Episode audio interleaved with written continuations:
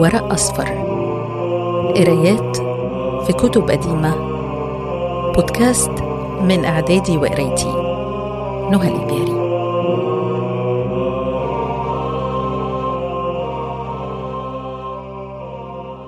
الكتاب الأول كليلة ودمنة.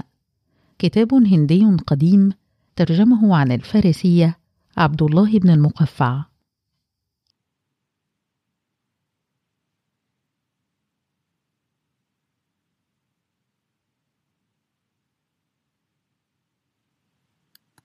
تحذير هذه الحلقة بها مشاهد لا تناسب الأطفال وذوي الذائقة الحساسة. باب البوم والغربان. الجزء الثاني. قال الغراب وما ذكرت لكم من أمر البوم فإن من شأنها الخبة والخديعة وشر الملوك المخادع ومن ابتلي بسلطان المخادعين أصابه ما أصاب الصفرد والأرنب اللذين حكم السنور الصوام. قالت الطير وكيف كان ذلك؟ قال الغراب كان لي جار من الصفارد وجحره قريب من الشجرة التي فيها وكري وكان يكثر مواصلتنا وطال جوار بعضنا لبعض ثم إني فقدته فلم أدري أين غاب وطالت غيبته عني.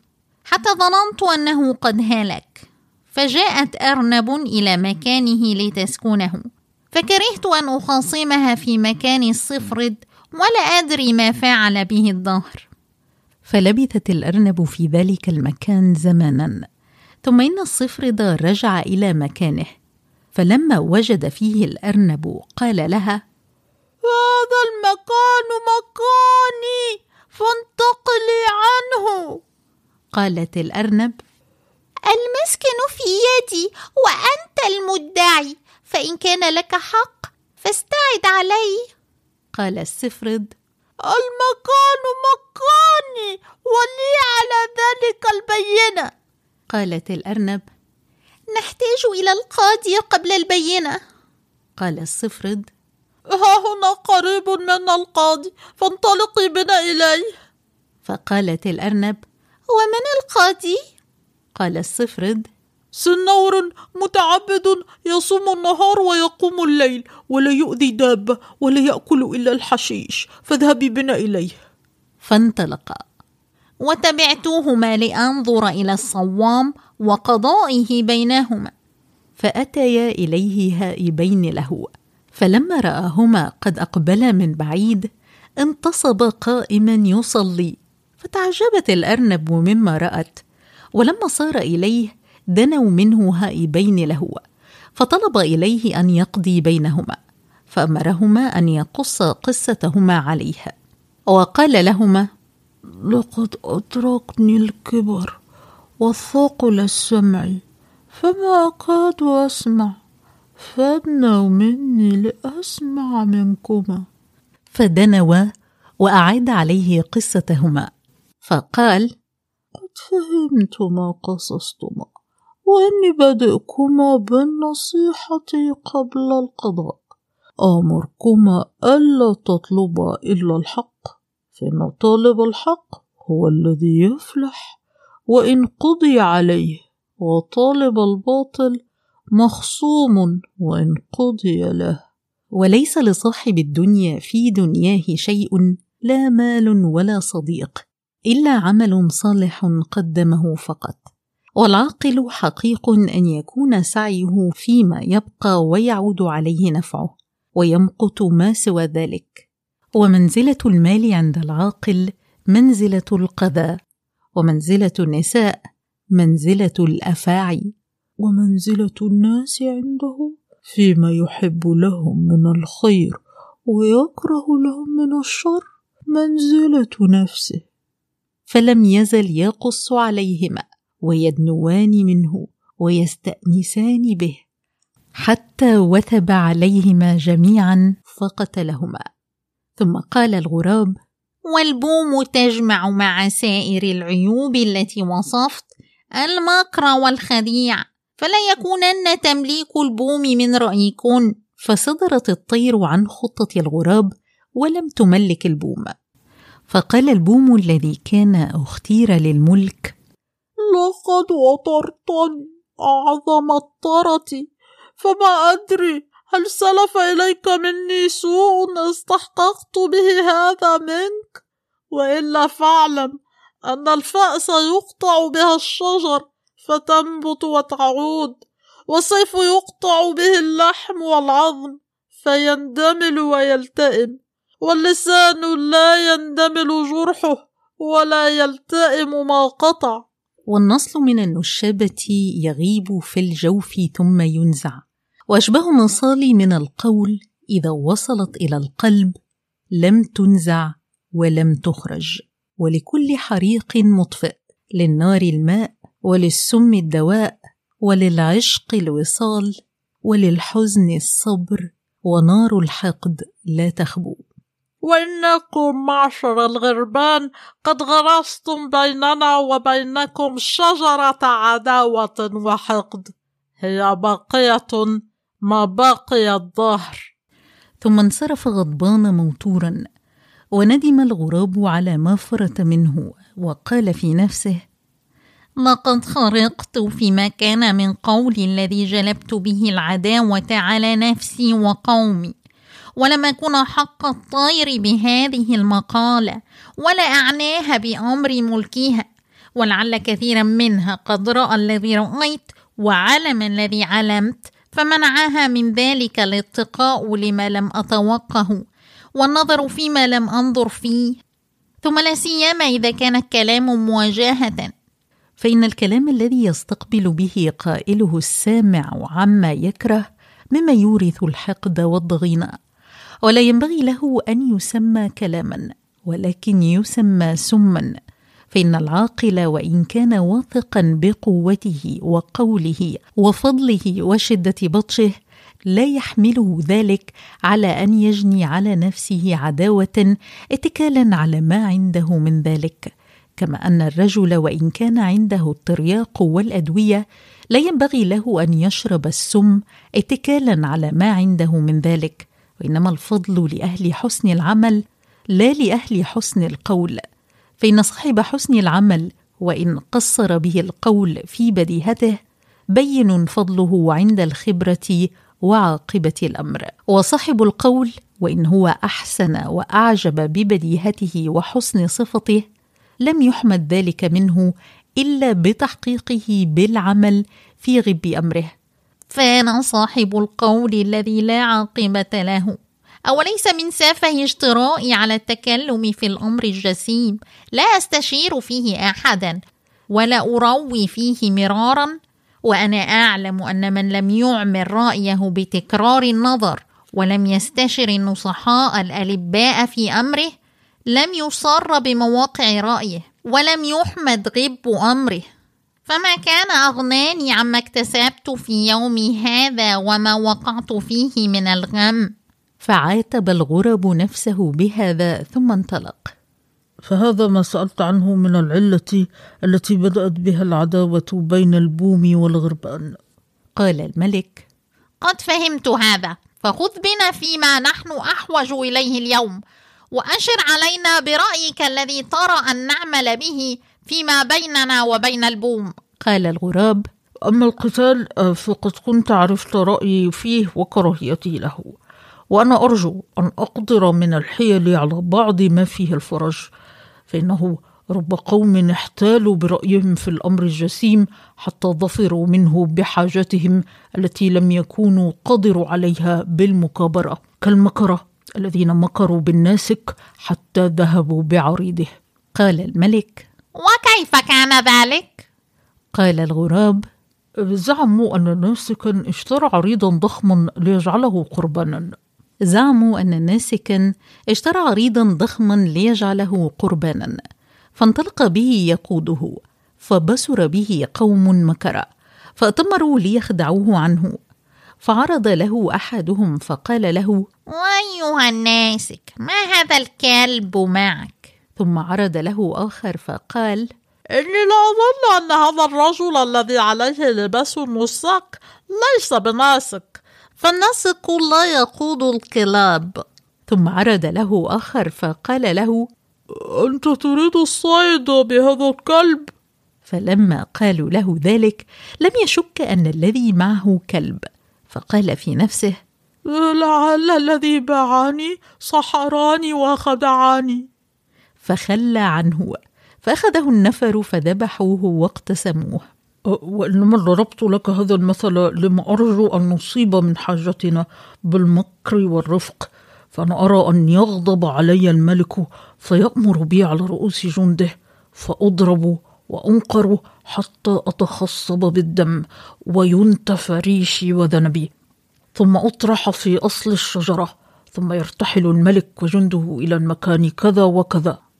حتى أنكر مكري ثم آتي الملك فأعلمه الأمر. ففعل به الملك ذلك وذهب بغربانه إلى المكان الذي وصف له. ثم إن البومة جاءت من ليلتها فلم تجد الغربان ولم تفطن بالغراب في أصل الشجرة. فأشفق الغراب أن ينصرفن ولا يرينه فيكون تعذيبه نفسه باطلا. فجعل يئن ويهمس حتى سمعه بعض البوم. فلما رأينه أخبرن به ملكهن فعمد نحوه في بومات يسأله عن الغربان.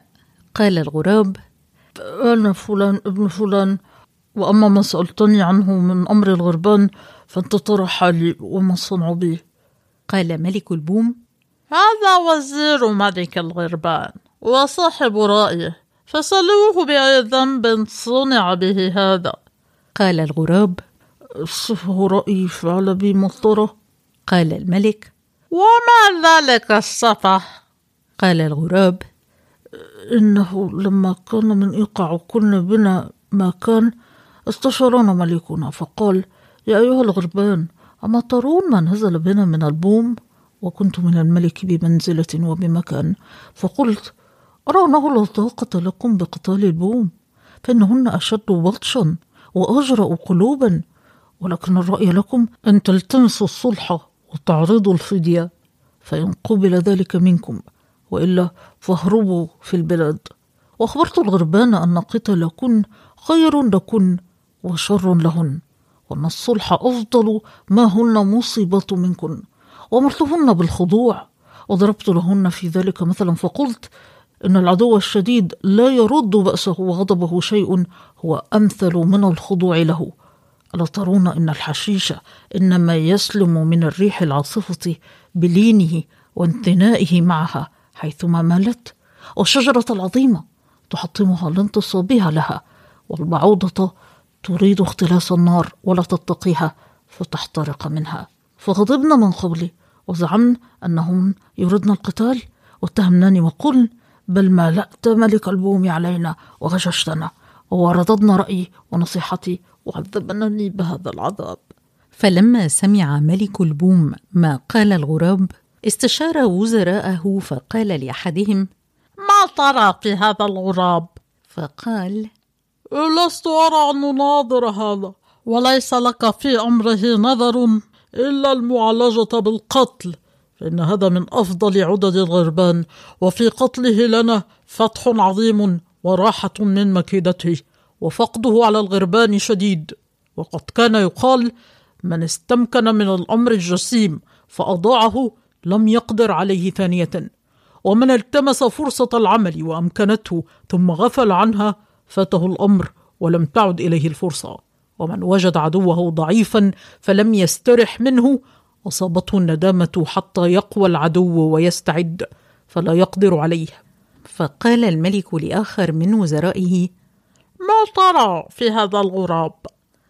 قال أرى ألا تقتله فإن العدو الذليل الذي لا شوكة له أهل أن يصفح عنه ويستبقى والمستجير الخائف أهل أن يؤمن ويجار مع أن الرجل ربما عطفه على عدوه الأمر اليسير كالتاجر الذي عطف عليه السارق امرأته بأمر لم يتعمده قال الملك وكيف كان ذلك؟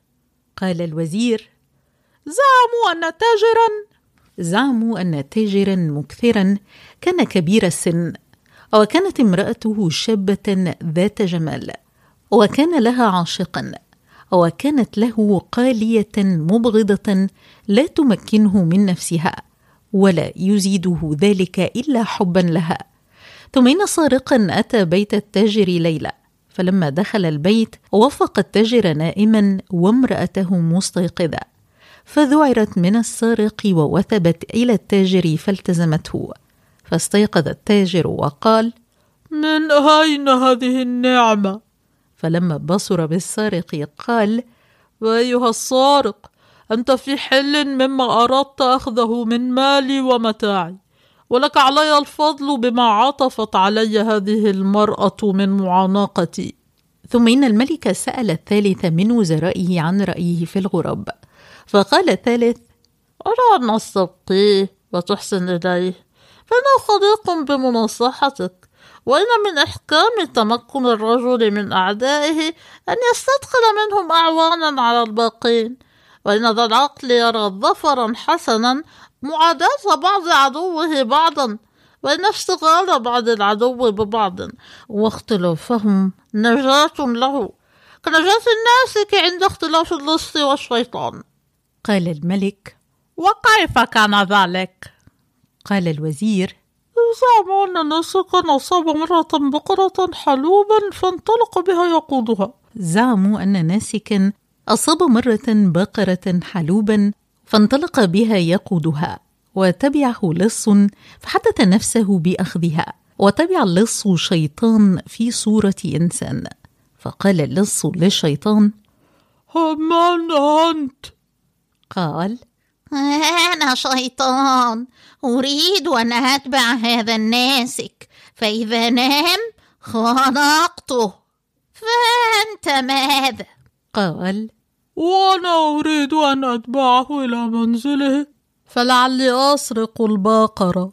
فانطلقا مصطحبين حتى انتهيا إلى منزل الناسك ممسيين. فدخل الناسك وأدخل بقرته ثم تعشى ونام. فأشفق اللص أن يبدأ الشيطان بالناسك قبل أن يسرق البقرة. فيصيح فتجتمع الناس لصوته فلا يقدروا على سرقة البقرة. فقال له انتظر حتى أخرج البقرة ثم عليك بالرجل.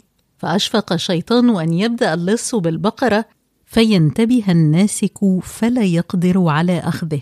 فقال له بل انظرني حتى أخنقه ثم عليك بالبقر. فأبى كل واحد منهما على صاحبه. فلم يزال في اختلاف حتى نادى اللص الناسك أن انتبه. فهذا الشيطان يريد أن يخنقك. وناداه الشيطان. أيها الناسك إن هذا اللص يريد أن يسرق بقراتك. فانتبه الناسك وجيرانه لصوتهما وهرب الخبيثان فلما فرغ الثالث من كلامه قال الأول الذي أشار بقتل الغراب أراكن قد غركن هذا الغراب وخدعكن كلامه وتضرعه فأنتن تردن تضييع الرأي والتغرير بجسيم الأمور. فمهلا مهلا عن هذا الرأي. وانظرن نظر ذوي اللب الذين يعرفون أمورهم وأمور عدوهم. ولا يثنكن عن رأيكن فتكونوا كالعجزة الذين يغترون بما يسمعون وتلين قلوبهم لعدوهم عند أدنى ملق وتضرع وتكونوا بما تسمعون أشد تصديقا منكم بما تعلمون. كنجار الذي كذب ما رأى وصدق بما سمع فاغتر وانخدع. قال الملك وكيف كان ذلك؟ قال الوزير زعموا أن نجارا كانت له امرأة يحبها. زعموا أن نجارا كانت له امرأة يحبها وكانت قد علقت رجلا. فطلع على ذلك بعض أهل النجار فأخبره فأحب أن يتيقن ذلك فقال لامرأته إني أريد الذهاب إلى قرية هي منا على فراسخ لأعمل هنالك عملا لبعض الأشراف وإني غائب عنك أياما فأعدي لي زادا. ففرحت المرأة بذلك وعدت له زادا فلما أمسى قال لها استوثقي من باب الدار واحفظي بيتك حتى أرجع إليك. فخرج وهي تنظر إليه حتى جاوز الباب. ثم دخل من مكان خفي من منزل جار له واحتال حتى دخل تحت سريره. وأرسلت المرأة إلى خليلها أن ائتنا. فإن الرجل النجار قد خرج في حاجة له يغيب فيها أياما. فأتاها الرجل فهيأت له طعاما فأكل وسقته. ثم تضجع على السرير ولبث في شأنهما ليلا طويلا. ثم إن النجار غلبه النعاس فنم. فخرجت رجله من تحت السرير. فرأتها امرأته فأيقنت بالشر. فسرت خليلها أن ارفع صوتك فسلني. أيام أحب إليك. أنا أو زوجك. وإذا امتنعت فأليح علي. فسألها عما قالت عليه فردت عليه يا خليلي ما يضطرك إلى هذه المسألة؟ فقالت له ألست تعلم أن معشر النساء إنما نريد الأخلاء لقضاء الشهوة ولسنا نلتفت إلى أحسابهم ولا إلى شيء من أمورهم فإذا قضينا من أحدهم أربا كان كغيره من الناس. فأما الزوج فإنه بمنزلة الأب والأخ والولد وأفضل من منزلتهم. فلح الله امرأة لا يكون زوجها عندها كعدل نفسها أو أحب إليها منها. فلما سمع النجار هذه المقالة وثق من زوجته بالمودة وبقي موضعه إلى الغد. فلما علم أن الخليل قد خرج قام فوجد امرأته متناومة فقعد عند رأسها وجعل يذب عنها فلما تحركت قال لها زوجها يا حبيبة نفسي نامي فإنك بت الليلة ساهرة ولولا كراهة مأسائك لقد كان بيني وبين ذلك الرجل صخب شديد. وإنما ضربت لكم هذا المثل لئلا تكونوا كذلك النجار الذي كذب بما علم وتغافل. فلا تصدقوا هذا الغراب في مقالته. واعلموا أن كثيرا من العدو لا يستطيع ضرر عدوه بالمباعدة حتى يلتمسه بالمقاربة والمسامحة. وإني لم أخف الغربان حتى رأيت هذا الغراب وسمعت مقالتكم فيه. فلم يلتفت ملك البوم وسائر وزرائه إلى كلامه. ثم إن ملك البوم أمر أن يحمل الغراب إلى مكانهن فيوصى به خيرا ويكرم ويحسن إليه. معاني بعض الكلمات التي وردت في هذه الحلقة. القضى ما يكون في العين من وسخ أبيض يتجمع في مجرى الدمع من العين. وترى أصاب بالظلم والمكروه. الترة الباطل. السنور ربما هنا بمعنى قط. السنوريات هي فصيلة الحيوانات الثديية التي تضم الأسود والنمور والفهود والقطط البرية والأليفة وأنواعا عديدة أخرى. صفرد طائر أعظم من العصفور. وفي المثل أجبن من صفرد غب عاقبة. عريض ربما من عرض أي متاع. في ربما المقصود هنا فيء أي جماعة من الطير. مالأ ناصر ودعم. لحى لام وعزل. يذب يدفع. ربما هنا بمعنى أبعد الذباب.